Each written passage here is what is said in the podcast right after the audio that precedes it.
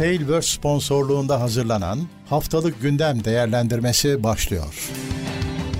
Haftalık gündem değerlendirmesi teknoloji sponsoru itopya.com. Tekno Seyir sunucu sponsoru DGN Teknoloji. Teknoseyir'e hoş geldiniz. Geçen haftanın öne çıkan teknoloji haberlerini değerlendirdiğimiz haftalık gündem değerlendirmesi yayınıyla yine birlikteyiz. 4-9 Aralık arasını 4-9 Aralık arasındaki teknoloji haberlerini gözden geçireceğiz. Gündemin bu yılki numarası 49. Şu gözlükten kurtulayım. Gündem çok dolu. Biraz uzun sürecek. Artık sab- sabrınızı rica ediyorum. Çayları, kahve hep de öyle diyorlar ya çayları, kahveleri hazırlayabilirsiniz. Bizde ara vermek yok. Bir kere başladık mı tekmili birden. Evet, Teknoseyir'i teknoseyir.com'dan takip edebiliyorsunuz. Bu haberlerin başlıklarını ve linklerini teknoseyir.com'da bulabiliyorsunuz. Onun dışında YouTube'dan bizi izleyen arkadaşlar katıl özelliğini kullanarak bu yayınlara bir omuz verebiliyorlar, bir destek verebiliyorlar. Çok teşekkürler. Bunun dışında tabii ki Spotify'dan izleyen, dinleyen arkadaşlar var. Orada da bu sene güzel istatistikler geldi. Daha sonraki bir yayında paylaşacağım sizlerle. Ee, Spotify'cı arkadaşlar e, takibe alabilirler bizi oradan da. Oradan da e, daha önce izlememiş, dinlememiş arkadaşlar dinleyebilirler. Like yapabilirsiniz, paylaşabilirsiniz, yorum yapabilirsiniz. Arkadaşlarınız beğeniyorsanız arkadaşlarınıza tavsiye edebilirsiniz. Hepsi bizim için destektir. Teşekkürler. Bugünkü yayında da sizlerden, teknoseyir kullanıcılarından gelen haber önerilerinden de bazıları var. Onlara da ekstra teşekkür ederim. Hadi konuya geçelim. Uzun çünkü. Bu hafta bir kere haftaya sarsılarak başladık. Ufak bir deprem oldu Bursa civarında. Ama hani Bursalılara geçmiş olsun. Bütün Marmara bölgesini konuşturmasının nedeni sadece sarsıntı değil, Google'ın deprem önceden bildirme ya da uyarı sistemi çalıştı. Android telefonlara, bu özelliği açmış olanlara bir bildirim geldi. Birazdan biraz sarsıntı, hafif sarsıntı olacak diye. Sarsıntı olduktan sonra da işte şöyle bir deprem gerçekleşti. Tahmini konumu şu, gücü şu şeklinde. Ben İstanbul'dayken iki tane bildirim geldi telefonuma. Evet yani bir 10 saniye falan önce diyebilirim sarsıntıyı hissetmeden. 10 saniye falan önce bir, bir bildirim geldi. Güzel bir sistem. Hani 10 saniye e, hayatını kurtarır mı insanın bilemem. E, yerinize bağlı, şey, depremin gücüne belki bağlı. Bilemem ama bir uyarı gelmesi tabii ki iyi bir şey bir anda. Çünkü deprem başladığında malumunuz uzun bir süre deprem mi oluyor falan zaten kuşkusuyla geçiyor. Ee, düzgün çalıştı. iPhone'larda bu özellik yok. iPhone'cular ya ne oluyor o kadar da para verdik telefona diye isyan ettiler. Android'lerde bu özelliğin çalıştığını uygulamalı olarak gördük. Tabii yani umarım hiç kullanmayız, hiç gerekmez ama var. Evet. Ben şöyle yalnız kendimde şöyle bir deneyimim oldu. Telefon zaten elimdeydi bildirim geldiğinde gördüm. Fakat bu bildirim bende hani Samsung'un klasik cik cik cikinin bildirim sesiyle geldi. Böyle olursa diğer bildirimlerle karışır bakmayabilirsin. Bunun bildirimi keşke kendisine özel olsa. Valla ben bilen arkadaşlar yazsın. Ben bildirim ayarlarında bunun sesini, bu bildirimin sesini değiştirmeyi bulamadım. Bilen arkadaşlar bizi de e, aydınlatsın. Geçen yıl bir alarm denemesi falan gibi bir şey yapmıştı devlet hatırlarsınız. Onda bir e, siren daha önce hiçbir bir uygulamada çıkmayan bir bildirim sesi çıkmıştı. Hatta kimi kullanıcıları ona da kızdı bu ne diye alarm çalıyor telefondan diye. Bilemiyorum bu benim telefonda Samsung telefonda Samsung notification sesiyle çıktı. Başkalarında farklı mı bilmiyorum. Herkese geçmiş olsun diyelim. Google'dan devam edelim. Google yapay zeka yarışına biraz geriden başladı. Galiba hazırlıksız yakalandı malumunuz.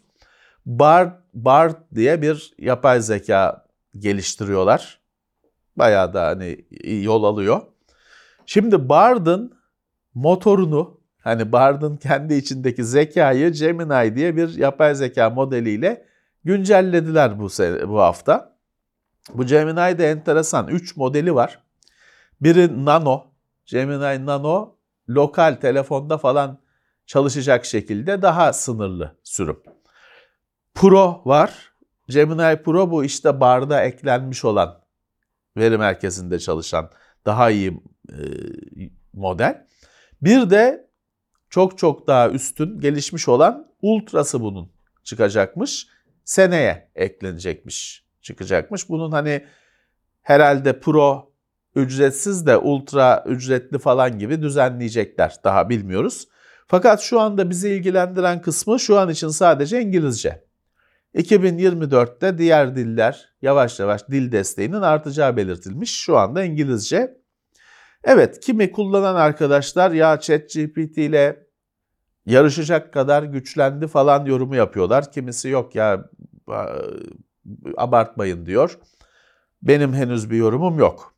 Ama söyle haberini vermiş olalım. Bard yapay zekası Gemini ile gün, güncellendi. Bir yayıncı olarak bizi ilgilendiren bir mesele var. Ee, yıllardır dünyada fazla dile gelmeyen bir savaş sürüyor. Çünkü şimdi Google biliyorsunuz Google'la ilk tanıştığımızda arama yaptığınızda bir sayfa boyunca arama sonuçları çıkıyordu, liste çıkıyordu. Fakat bayağı bir zamandır o sizin aradığınız bilgi Google'ın ekranında çıkıyor. Oradan tıklayıp da başka bir yere gitmiyorsunuz genelde. O bir paragraf yetiyor size. Ama o paragraf işte benden geliyor ya da işte başka sitelerden geliyor ve siz Google'da bizi bulup tıklayıp gelecektiniz artık gelmiyorsunuz. Ana ekrandan zaten cevabınız geldi. Yolunuza devam ediyorsunuz benim siteye uğramadan. Bu tabii ki normal olarak bir kavga yarattı. Yıllardır sürüyor bu kavga. Çeşitli ülkelerde yayıncılar ayaklanarak Google'dan para istiyorlar. Kaybettikleri geliri istiyorlar bu cephe hani bu savaş bir sürü cephede sürüyor, bir sürü ülkede sürüyor. Kanada'da yayıncılarla anlaşmış Google. Bu konuda çünkü bu kavga çıktığı yerde Google'da hemen şöyle bir kart kullanıyor. E tamam sizi ben blokluyorum hiç kimseye link link vermeyeceğim bundan sonra diye. E bu sefer de yayıncılar aman abi affet diyorlar. Çünkü Google'dan link gelmemesi, Google'da yer almamak bir elektronik yayının sonu oluyor. Tavuk yumurta, yumurta tavuk ikilisi e, ilişkisi çözülemeden sürüyor. Neyse Kanada'da el sıkışmışlar. El sıkışmışlar artık e, Google'da onlara bir gelir paylaşımı, bir kazanç aktarımı sağlayacakmış. Türkiye olarak neresindeyiz bu olayın? Bu önemli. Türkiye'de ben size yayıncılığın, dijital yayıncılığın hani kendince deneyimi olan bir ismi olarak söyleyeyim. Asla yayıncıları bir araya getiremezsin Türkiye'de. Ee, getirdiğini zannedersin orada da şey olur. O getir bir araya getirdiğini sandığın yayıncılardan iki tanesi gidip Google'a der ki abi bir tek bize link ver. Biz sana bütün içeriği veririz. Bırak öbürlerini der. Hallederler. Bakalım Türkiye neresinde bu kavganın? İspanya'da da yayıncılar Meta'yı bu sefer dava etmişler. 83 İspanyol e, yayın 550 milyon euro istiyorlar. Avro mu deseydik? 550 milyon euro istiyorlar. Nedeni de şu. Diyorlar ki bu Meta Facebook'la, Instagram'la insanları çok iyi tanıyor. Bu insanlara kişiye özel, özelleştirilmiş reklam olanağı sağlıyor. E biz hani geleneksel yayıncılar olarak bunu yapamıyoruz. Haksız rekabet oluyor. Bütün reklamlar Meta'ya gidiyor. Valla bu birazcık bir hak yani anlattıkları senaryo doğru da hani bu birazcık işte matbaa çıktı diye katiplerin, e, hattatların isyan etmesi, dikiş makinesi çıktı diye terzilerin isyan etmesi tadında bir isyan. Hani meta yapıyor biz yapamıyoruz. E, isyanımız var. E öyle de dünyada öyle işlemiyor ki. Bakalım ne olacak? 83 yayın bir araya gelmiş bravo. 550 milyon euro bir ceza tazminat talep ediyorlarmış. Meta dediğimizde Facebook hani esas olarak. Bakalım ne olacak? Bunlar bizi de yani bir yayıncı olarak beni de ilgilendiren meseleler. Onlar bir şey kazansalar aslında bizim için de kazanma yolu açılır. Meta'dan devam edelim. Meta bir görsel üretme sistemi yapay zekalı oluşturdu. Hani sayısız kullanılıyor ya Stable Diffusion falan filan. Meta'da Imagine with Meta AI diye bir sistem geliştirmiş. Imagine.meta.com'dan erişilebiliyor. Bunu da hani bu sistemi oluştururken, eğitirken Facebook ve Instagram'a yüklenen 1.1 milyar public konulmuş fotoğrafı kullandıklarını açıklamışlar ya da öğrenilmiş. Eh yani ne bekliyoruz ki? Public koyduysan zaten hani açmışsın kullanıma. Tamam o şey demek değil. Hani public konulan şeyler e, serbesttir, dalın, kullanın, yağmalayın demek değil bu. Ama adamın platformunu açmışsın. Hani adam zaten diyor ki koydun mu ben kullanırım bunu. Bunun hep hep hatırlarsınız bu Facebook'ta falan Facebook'a ihtar yayınlayanlar vardı bir ara. Şey izin vermiyorum. yasa yapıştırmış oraya. Neyse 1.1 milyar.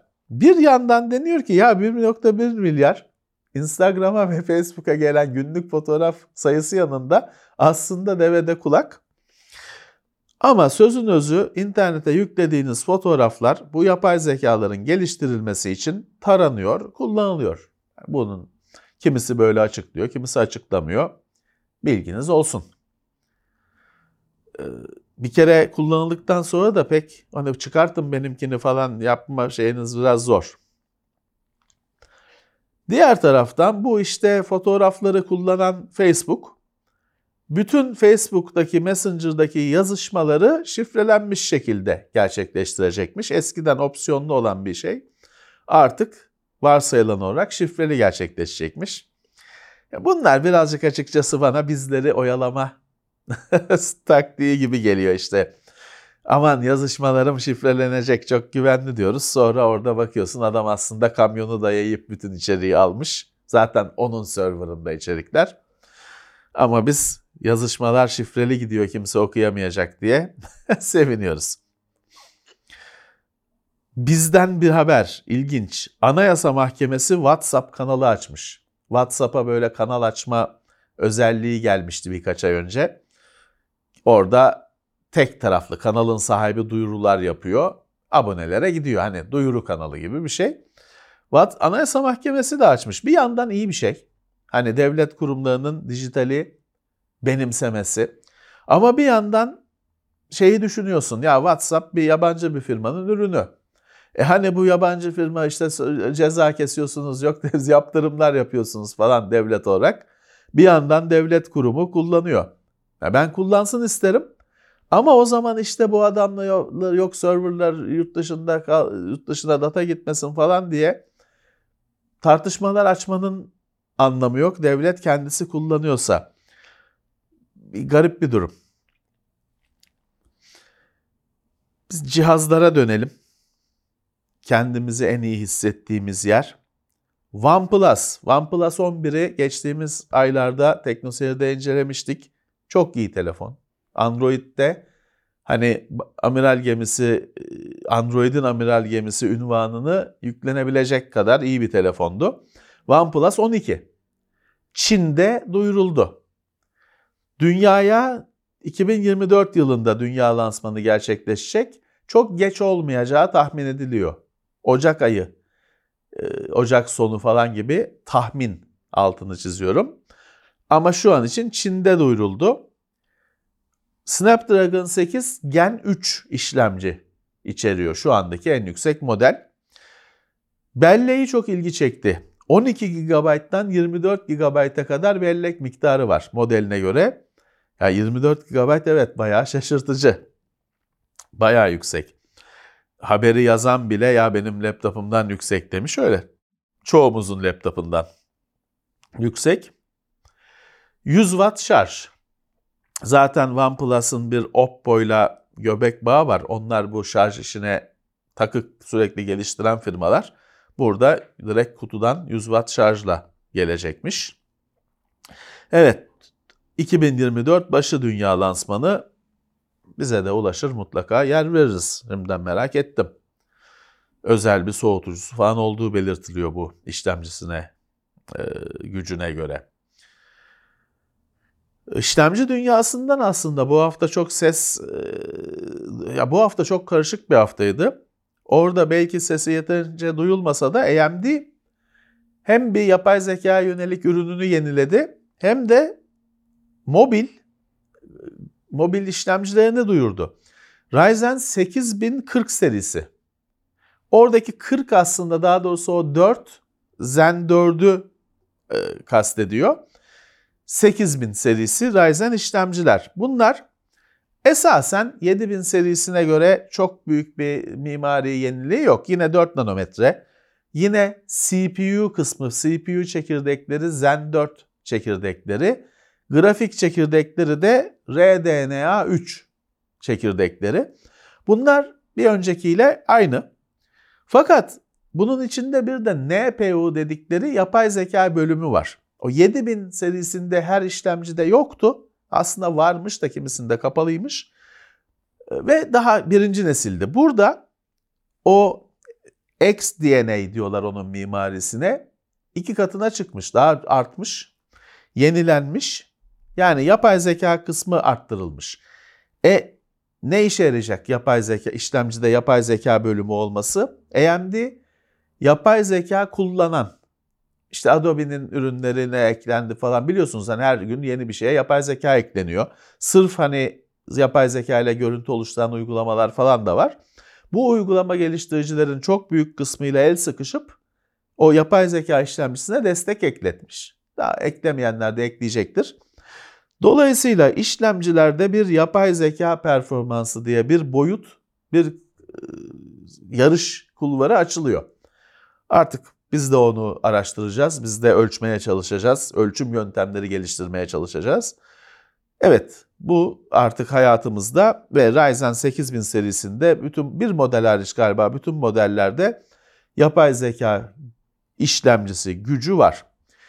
En düşük model 4 çekirdek, en yüksek model 8 çekirdek. Hepsinde hyperthreading yani iki iş çalıştırma var.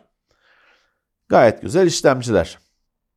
Bir U serisi var düşük güçte, bir de HS'ler var daha güçlü olan. AMD'nin iddiası 13. nesil Intel i9'un mobilliğini geçiyoruz biz diyor. Tabii bu sözler biliyorsunuz sayısız tartışma yaratıyor. O yüzden deneyince göreceğiz. Ama bir tartışma bununla bağlantılı farklı bir tartışma oldu. İlginçti.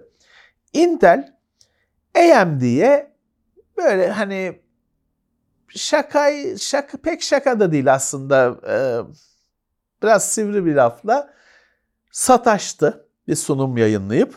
O sunumda da Intel'in hani sataşmasının özü şu. İşte Intel diyor ki bu işlemcilerin numarası yeni, e, içi eski, işte gözünü boyuyorlar müşterinin kafasını karıştırıyorlar falan diyor. Intel böyle bir çıkış yaptı da e bunu Intel'in de yıllardır yaptığı bilinen bir şey. Hani en yakın zamanda şeyi konuşmuştuk bu Windows 11'in sistem gereksinimleri açıklandığında işte bazı 8. nesil işlemciler aslında 7. nesil falan diye uzun uzun konuşmuştuk. Intel yıllardır bunu yapıyor. Nvidia bunu yapıyor. Bu e, yarı iletken sektöründe, işlemci sektöründe olan bir şey. Evet. Eski modele yeni numara konuluyor. Yeni model diye çıkıyor. Karıştırılıyor eskiler, yeniler aynı model numarası altında falan. Hep olan bir şey. Tabii bu kendisi yapan, Intel kendisi bunu yapan bir taraf olarak rakibini eleştirince pek beklediği gibi olmadı. O sunumlar falan da kaldırılmış zaten internetten. Ee, snake oil diyor, yılan yağı. O snake oil de bizde işte minare gölgesi falan e, şeyler vardır ya, e, uydurma, var olmayan şeyler, maddeler, ilaçlar. Dediğim gibi Intel kazanamadı bu atağından. Bir kazanamayan da Nokia. Şu Amerikalı dev telekom firması AT&T bir ihale açmış. Baz istasyonları için, şebeke için. Ericsson kazanmış. Nokia kaybetmiş. Nokia'nın hisseleri düşmüş, Ericsson'un hisseleri yükselmiş. 5 yılda 14 milyar dolar harcanacak bir iş. ORAN deniyor. Open Radio Access Network. Bu telefon şebekelerinin network'ü deniyor ki hani o Ericsson kurarsa başka ekipman takılamıyor. Nokia kurarsa kendi ekipmanlarına. Huawei kurarsa Huawei ekipmanlarıyla. Ama bu Open Radio Access Network yapısında farklı firmaların ürünleri aynı network'te şebekede bir araya gelebiliyor. Bu da telekom firmasına büyük avantaj sağlıyor diyorlar. Bağımlı olmuyorsun çünkü bir firmaya. Evet AT&T kendini kurtarmış. Ericsson'la çalışacakmış. Nokia alamamış bu dev ihaleyi. Ama hani bu network'e ileride Nokia ekipmanları ek, eklenebiliyor. Bana daha ilginç gelen Ericsson Nokia rekabetinin hala sürüyor olması oldu. Göze batmasa da çünkü bu baz istasyonları, şebeke biz görmüyoruz, bilmiyoruz. Ama rekabet sürüyor aslında bu isimler arasında. Bir dizi Microsoft ve Windows haberi var şimdi. Birincisi Microsoft Windows 11'in widget araç sistemini düzeltecekmiş. Ya kardeşim hani şu widget sistemi kaç yıldır düzeltiliyor, kalkıyor, konuluyor, yeniden konuluyor, yeniden kalkıyor. Delirmek işten değil. Yani Microsoft'sunuz, para sıkıntınız yok, adam sıkıntınız yok. Şu ekrana konan küçük araçlar, widget. Niye bir türlü bu iş düzelmiyor? Vista'dan beri bunlarla uğraşıyoruz. XP'den beri mi? Bilmiyorum. Ben Vista'dan beri diye hatırlıyorum. Düzeltilecek şey de şu. Windows 11'de de tuttular. O araçların olduğu bir panel yaptılar. Fakat o panele haber akışını falan da eklediler. İnsanlar da o Microsoft'un haber akışı da bir sorunlu. Çok hani kalitesiz, kötü kaynaklar kullanılıyor. İnsanlar da diyor ki ben orada hava durumunu görmek istiyorum, saati görmek istiyorum. İşte eklediği başka ne widget varsa onu görmek istiyorum. Haberleri, dediğim gibi saçma sapan kötü haberleri görmek istemiyorum diye bir tepki vardı. Ayıracaklarmış. Hadi bakalım kaçıncı denemede bu düzelecek ben de merak ediyorum. Windows 10'un ömrü doluyor. Güncellemeleri falan kesilecek yakın zamanda. Ee, ücretli güncellemeler büyük kurumlara hani biz Windows 10'u bırakamıyoruz daha yıllarca kullanmamız diyen büyük kurumlar için bir program açıyormuş Microsoft. Ücret karşılığı onlar işte iki yıl daha güncelleme alacak falan. Öyle bir sistem gelecekmiş. Artık biz gibi bizim gibi kullanıcıları çok ilgilendirmeyecektir. Windows 11'e geçiş yayılıyor. Bayağı da zaman oldu Windows 11 çıkalı. Hatta birazdan 12'yi konuşacağız. Ama bu Windows 10 büyük kurumlarda güncel ücret verenlerde güncellenecekmiş. O güncellemeler zaten hani resmi olmayan ağlara da e, dağılır. Çok takip etmek isteyenler takip eder. Windows 12 dedik. Hadi onun haberini yapalım. Windows 12 yapay zeka odaklı olarak çıkabilirmiş seneye. Yapay zeka odaklı nedir tabi ayrıca tartışılsın. Şimdi var yap Windows 11'e Copilot, Bing with Copilot falan bir şeyler ekliyor sürekli ya Windows e, Microsoft. Bu sefer odak tamamıyla yapay zeka olacakmış ve bu yapay zeka odaklı Windows'ta ben şey diyebilecekmişim. Ya benim arkadaşım Umut bir grafik yollamıştı iki gün önce. Nerede o? Diyebilecekmişim yazarak. Belki sesle de bulacakmış.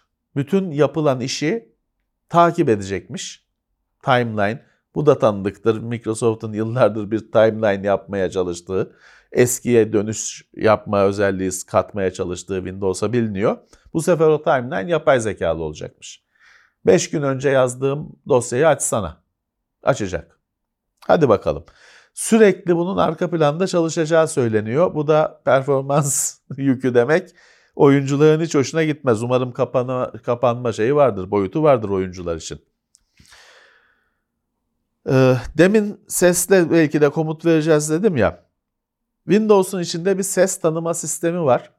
Ses tanıma diye geçiyor. Voice Recognition. O Voice Access sesle erişim diye adı değişecekmiş. İçinde daha değişmiş zaten. Gücünün de doğru dürüst komutları şeyi anlamayan eski versiyona göre çok daha iyi olacağı, sesle Windows'un baya baya kullanılabileceği belirtilmiş. Evet, Voice Access yeni yöntem. Bir de e, benim daha çok hoşuma giden bir mobil uygulama Microsoft'tan bu hafta o, o beni uğraştırdı. Seeing AI diye bir uygulama geliştirmiş Microsoft. Android'de ücretsiz olarak yüklenebiliyor. Türkiye'de de var hani markette var e, yüklenebiliyor. Görme engellilere destek sağlıyor. Yani telefona parayı gösterirseniz e, yani Türkçe desteği tabii şey de hani olacak eklenecektir. Telefona parayı gösterirseniz 50 lira diyor ya da 50 dolar diyor. Renk gösteriyorsunuz kırmızıdır, ma- mavidir söylüyor. Arkadaşınızı gösteriyorsunuz onu tanıyor. Ya da masada 3 kişi varsa 3 kişi var diyor masada. Odaya girdiğinizde 3 kişi varsa 3 kişi var diyor. Ee, destek az görene her şekilde destek oluyor. Seeing AI dediğim gibi yükleyebilirsiniz, deneyebilirsiniz. Teknolojinin AI'ın hani bin tane abuk subuk grafik oluşturmak yanında böyle şeylere de ihtiyaç duyanlara şu teknolojinin bir hayatının kalitesini arttırmada destek olması süper bir şey. Umarım artar. Seeing AI ücretsiz. Bu hafta bir de uygulama tarafında Beeper Mini diye bir uygulama çıktı Android'de. Apple'ın iMessage diye bir kendi şey sistemi var ya, mesajlaşma sistemi var ya. Bu Beeper Mini Apple'a mesaj, Apple'la mesajlaşabiliyor. Geri mühendislikle Apple'ın e, iletişim protokollerini çözmüşler. Çalışıyor. Deneyenlerin bir kısmı memnun. Ben kurmaya çalıştım. Çeşitli hatalar verdi. Zaten puanı çok yüksek değil. 3 yıldız ve hep şikayetler şöyle. Çalışıyor ama uygulama çok kötü şeklinde. Katılıyorum ben de hani ben kur çalıştıramadım bile hatalar verdi. Ayda 2 dolar bedava değil. 1.99 mu ne? 2 dolar. Ama o da hani Türkiye mağazasında var ve yükleniyor. Deneyin. Apple'cılarla çok iletişiminiz varsa o iMessage deneyimini aynen getiriyor diyorlar. Deneyin. Beeper Mini uygulamanın adı. Ben tabii Apple bunu bloklar mı, keser mi, ne kadar yasal bu süreç onu bilmiyorum. Uzun zamandır da varmış eskiden de hani markete konmadan da dolayısıyla herhalde Apple zararsız görüyor belki. Şimdi tüyleri diken diken edecek bir yasal bir uygulama teklifi. Merak etmeyin İngiltere'de. Porno izleyenlerin yüzleri taranacak. Böyle bir şey düşünce geliştirmişler. Diyorlar ki ya bu çocuk da hani 18 yaşından büyüğüm diye kutu var. Onu 5 yaşında çocuk da ona okey basıp geçmesini biliyor.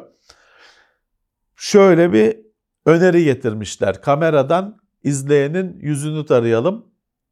Kim olduğunu anlayalım. Küçük mü? O söyleyen kişi mi izliyor başkası mı? Hatta diyor bir de hani yüzünden küçük olduğunu tahmin edersek genç gösteriyorsa ekstra kontroller gelsin.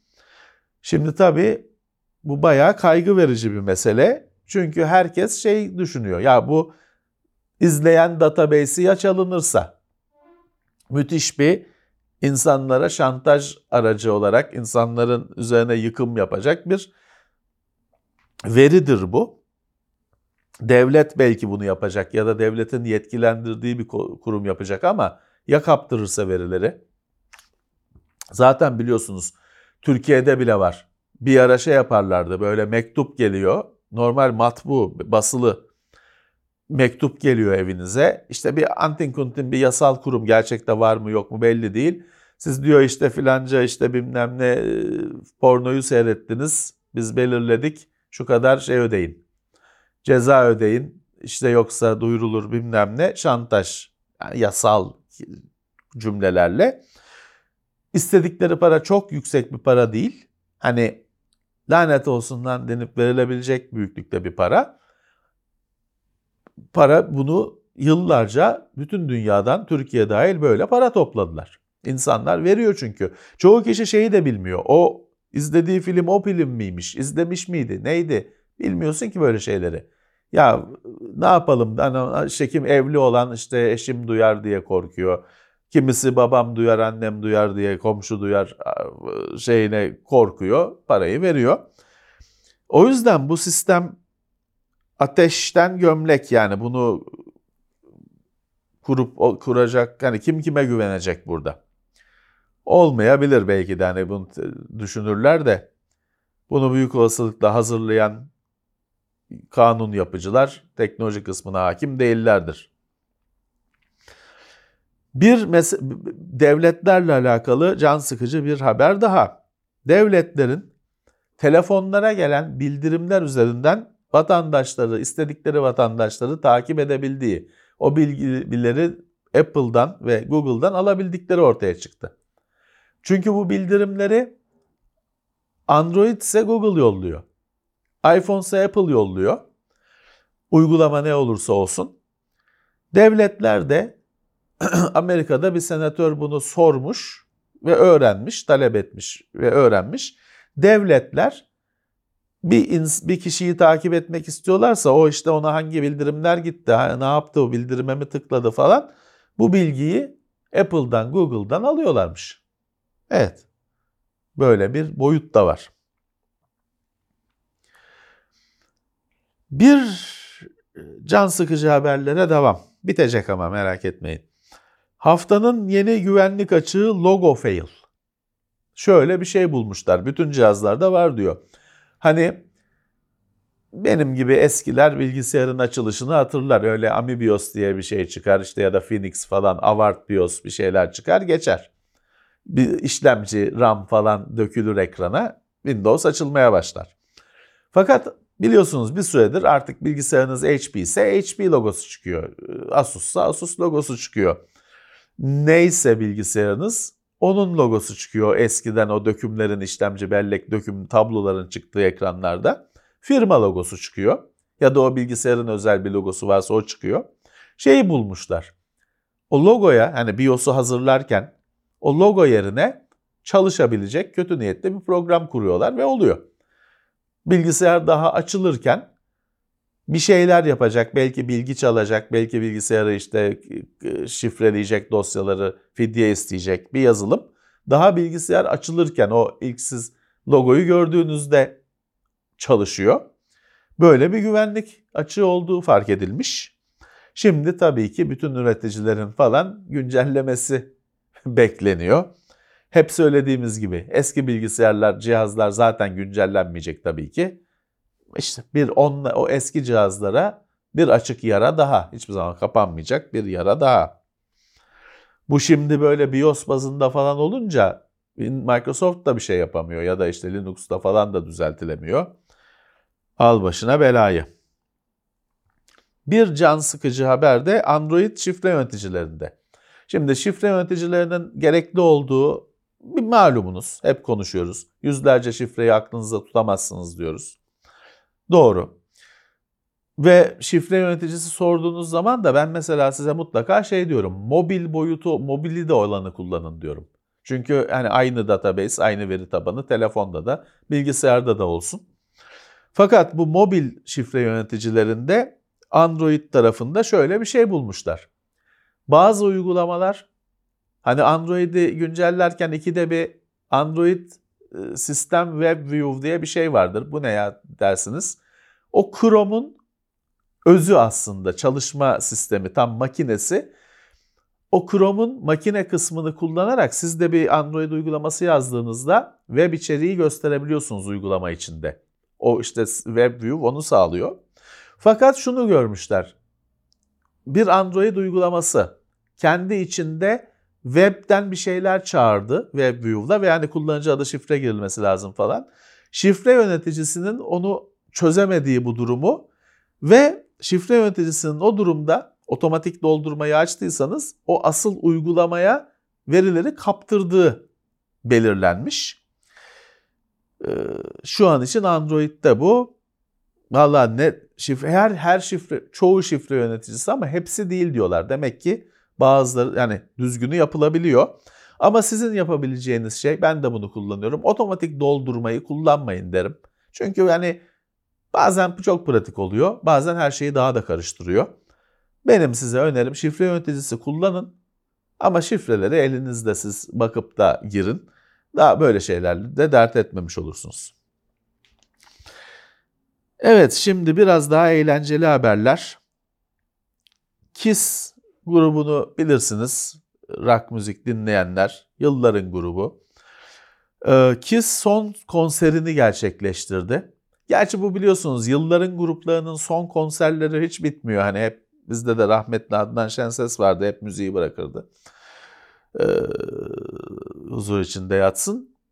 Scorpions hep müziği, hep son konser verir. Son 10 yıldır falan o son konser. Kiss de işte bir son konser, uzun son turnesi vardı. Bir son konser verilmiş, bomba şu. Kendilerinin dijital kopyalarını, suretlerini ya da yabancı tabirle avatarlarını göstermişler. Bundan sonra demişler ki Kiss ölümsüz oldu. Bizim yerimize bu dijital avatarlar so şey konser verecek. Herhalde hani bizde işte düğüne çağırabileceksin falan yani satacaklar. Demişler Kiss ölümsüz oldu. Bundan sonra dijital olarak devam. İlginç. Şimdi bu Kiss dünyada para kazanmayı en iyi bilen grup olarak görülür. Herhalde en çok para kazanan e, Rolling Stones'tur ama onlar hani güç güçleriyle, müzikleriyle kazanıyorlar. Kiss hani işte e, ne bileyim Kiss marka patates çipsi çıkartalım, kalem ve kalem tıraş çıkartalım falan her şeyden para kazanır. Bu bir efsanedir hani e, tarihe geçmiş bir şeydir para kazanma başarısı. Burada da galiba son şakalarını yapıyorlar. Ölseler bile dijital versiyonları olacak. İlginç. O dijitalse şey de olur aynı anda 20 yerde falan. Bakalım burada da kazanacaklar mı? istedikleri gibi olacak mı? Bizim Uğur sever Kiss'i. Kiss yüzünden başının belaya girdiğini anlatmıştı bir yayında. Bakalım o ne yorumlayacak. Bir ilginç haber de Pantone bu sene çok gündeme geldi. Bir renklere Adobe'de kullanırken para isteyeceğim falan demişti. Tartışılmıştı. Şimdi de 2024 yılının rengini seçmiş, duyurmuş. Peach Fuzz diye geçiyor İngilizcesi. Ben bunu sabahtan beri özellikle hanımlara bu renk ne renk diye gösteriyorum. Ağırlıklı olarak görüş somon. Ama birisi dedi ki ya buna şeftali tüyü diyorlar dedi. Evet doğru İngilizcesi de şeftali tüyü gibi bir şey peach fuzz. Evet bir turun çok güzel tatlı bir turuncu. Şeftali rengi mi desek, somon mu desek 2004 yılının rengiymiş. Dijitalci Pantone bunu belirlemiş. Tabii dijital dünya için 2024 yılının rengi. Modacıları bağlamaz. Evet bu Panton haberlerini yaparken de biz arada sırada Panten diyoruz. Onu ben bugün fark ettim. Affedin. O öbürü makyaj firması mı ne? Panton renk firması. Evet, teknoloji haberleri böyleydi. Sırada oyun dünyası var. Oyun dünyası bu hafta The Game Awards 2023 gerçekleşti. Onunla çalkalandı zaten. Ben Game Awards 2023'ün tüm içeriğine giremeyeceğim. Çünkü bu hafta zaten gündem yoğun demiştim. E, başlık o. Biz TeknoSeyir'de yayınlandı da Umut, Uğur o konuda iyi bir iş çıkardılar. Yayın duruyor. İzleyebilirsiniz. Ama değerlendirmelerini onların yayınla birlikte. Ben ne gördüm? Bir kere o yılın oyunu işte Baldur's Gate 3 aldı götürdü bir sürü ödül aldı. Beklenen bir şeydi.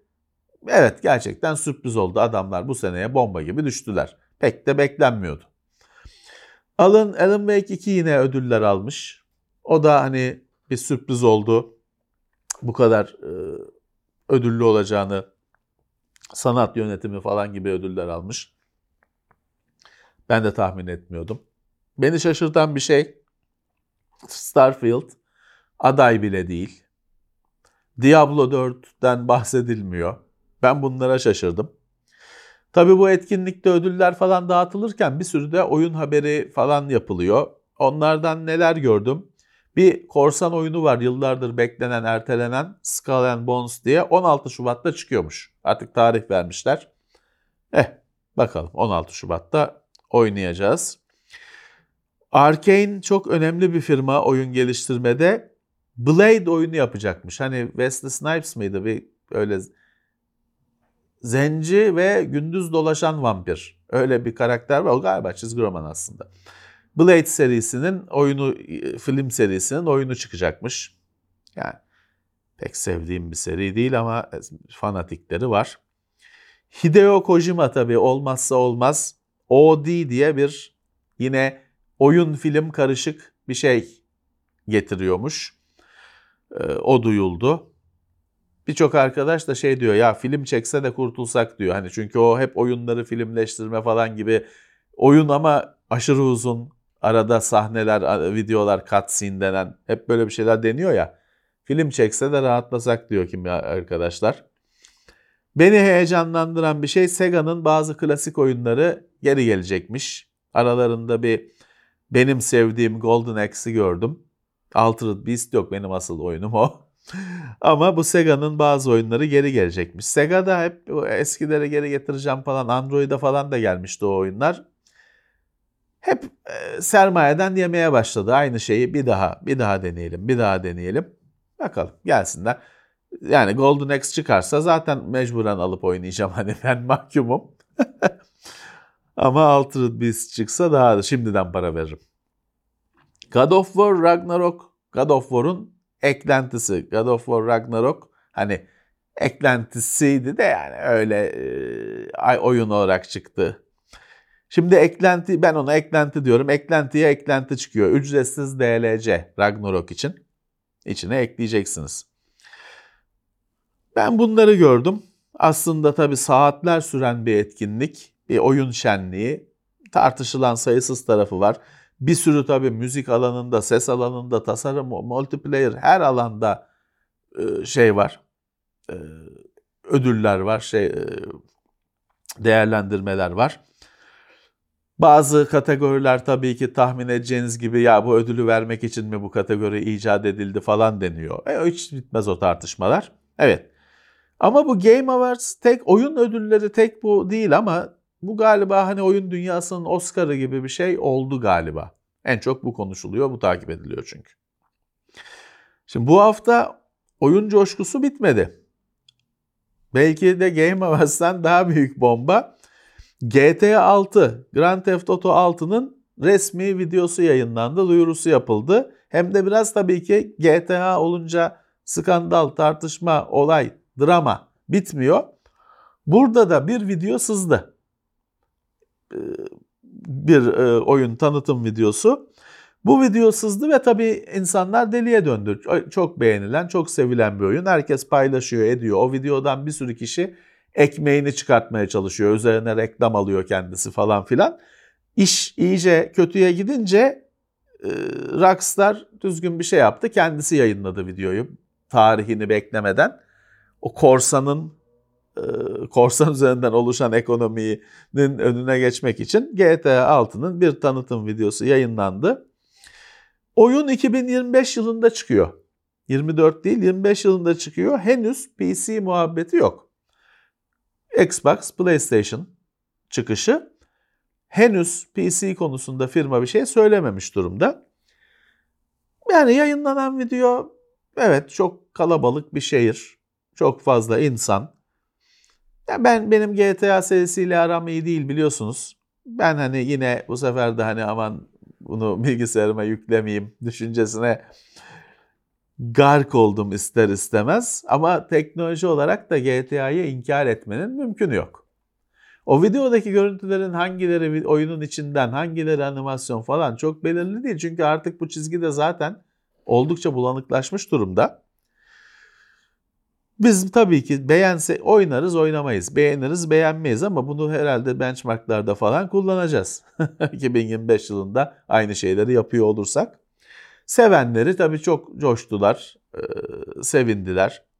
Hemen yine onun da draması işte orada bir bir şahıs varmış dövmeli falan şeyli ne diyorlar piercing değil hani bayağı bir kendini modifiye etmiş falan o gerçek bir şahısmış o şahıs hemen akşam video çekti çekti Rockstar ne oluyor görüşelim falan diye beni kullanmışsınız diye yok videodaki görüntüleri eleştirenler falan filan bir daha oyun, oyunun çıkmasına iki sene kala videosu bile yaktı geçti ortalığı. Bunun üzerinden tabii video buna video çekenler, konuşanlar, eleştirenler daha yıllarca sürecek.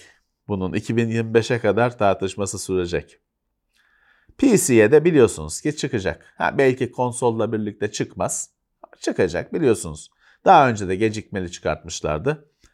Yani bu stratejik olarak ayarlıyorlar. Hani oyunun yok kaldırmaz falan. Ya geçelim bir yol. Ne kaldırmazı? Tabii ki e, kaldıracak. Ama ya adamlar kendileri karar veriyorlar ne zaman çıkacağını. Şimdi bu haftanın dev tartışmalarından birisi ki tartışılması da lazım. Ve sırf oyun değil herkesi ilgilendiriyor. Sony bir açıklama yaptı. Dedi ki PSN kullanıcılarının satın aldığı, satın aldığı tekrar altını çiziyorum. Discovery Channel içeriklerinin silineceğini duyurdu hesaplardan. Şimdi çünkü Sony ile işte Discovery Channel'ın şeyi bitmiş. Anlaşması bitmiş. Discovery Channel da zaten kendi uygulamasını, platformunu oluşturup içeriğini falan kendisi satmak istiyormuş. Ona da kızdı galiba Sony.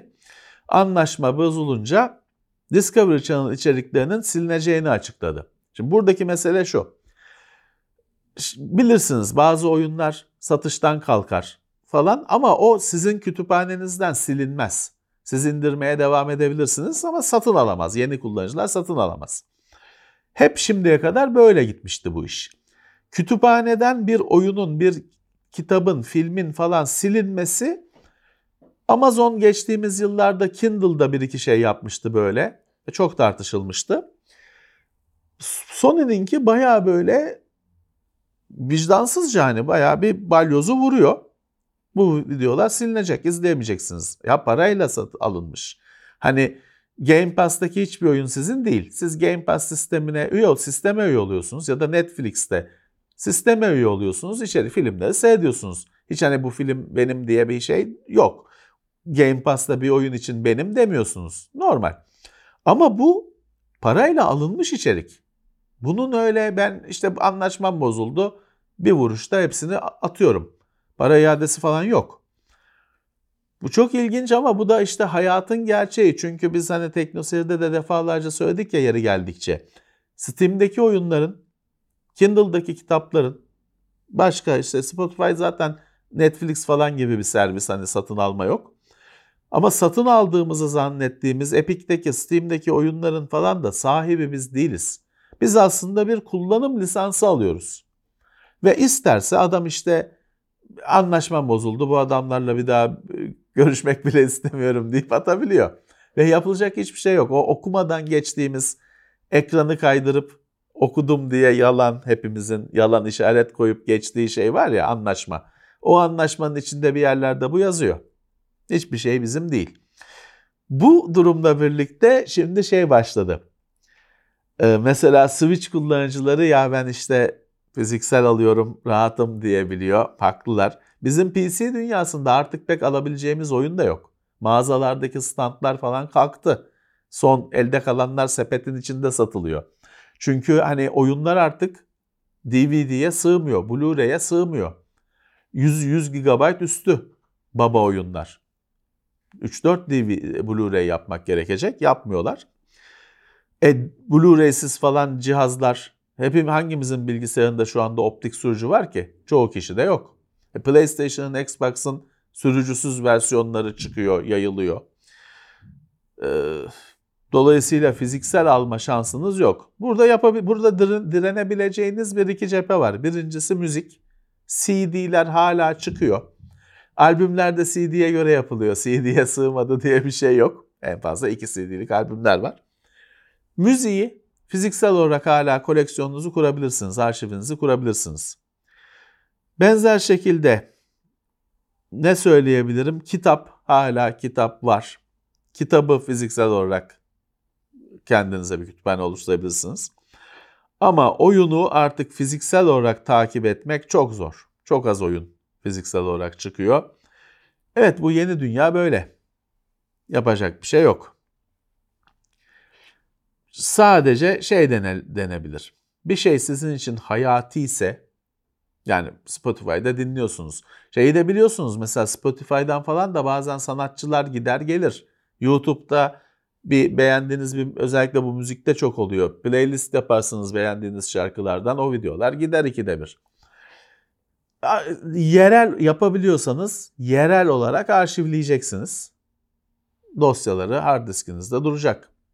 E, oyunda da şimdi kimi arkadaşlar der ki korsan her zaman kazandırıyor. E, öyle tabii ki. Oyunu torrentten indirenler için kütüphaneden kaldırıldı falan derdi yok. Söylenecek bir şey yok. Onlar da güncelleme falan alamıyor. Böyle.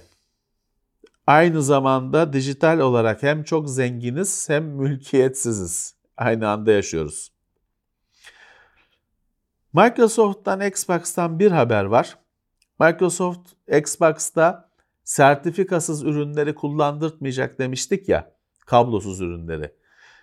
Ee, bir neyse ki hangileri sertifikalı, hangileri uyumlu diye sitesinde bir liste yayınlamış. Her şeyi kapsamıyor ama işte bizim çok sevdiğimiz ürünler, ideal ürünler falan diye bir e, her kulaklık, depolama, gamepad falan bir liste, fikir verecek bir liste yayınlamışlar.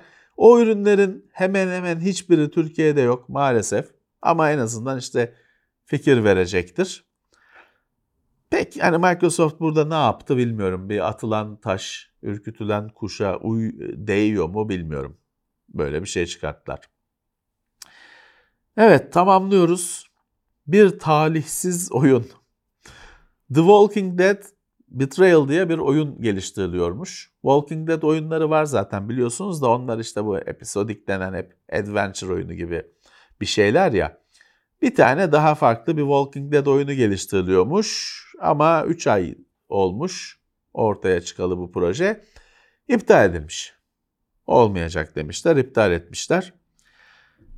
Biraz da bu tür şeylere çok erken parayı basmak hem bir yandan tabii destek oluyorsunuz. İyi bir şey. Adamın geliştirme süreci boyunca ne ekmek yiyecek. Siz destek oluyorsunuz. Ama bir yandan da işte bu projeler illaki her çıkan proje tamamlanacak diye bir şey yok.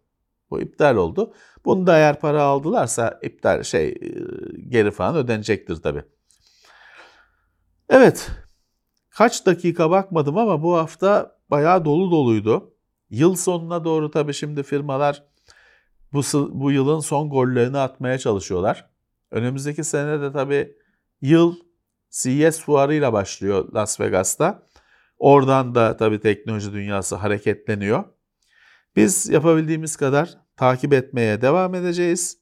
Bugün yine benim sesim çatlaktı, tam düzelmemişti. Affedin arada e, öksürdüysem ya da sesim iyice kırıldıysa. 49 numaralı gündemi böyle hallettik sizinle birlikte böyle kotardık. 50 51 52 kara gözüktü. Final gözüktü. Yıl sonuna doğru podcast olarak olmasa da bir genel değerlendirme de yapacağız. Hani podcast'ını da koyabiliriz de YouTube'da özellikle yapacağız. Bizi takip etmeye devam edin. Spotify'dan da takip edin. YouTube'dan da nasıl gönlünüz isterse bize her türlü verdiğiniz destek bizim için değerlidir. Çok teşekkürler hepinize. Evet, bir sonraki gündemde beraber olalım. Görüşmek üzere. Tekno Seyir sunucu sponsoru DGN Teknoloji. Haftalık gündem değerlendirmesi teknoloji sponsoru itopya.com. Tailwords sponsorluğunda hazırlanan haftalık gündem değerlendirmesini dinlediniz.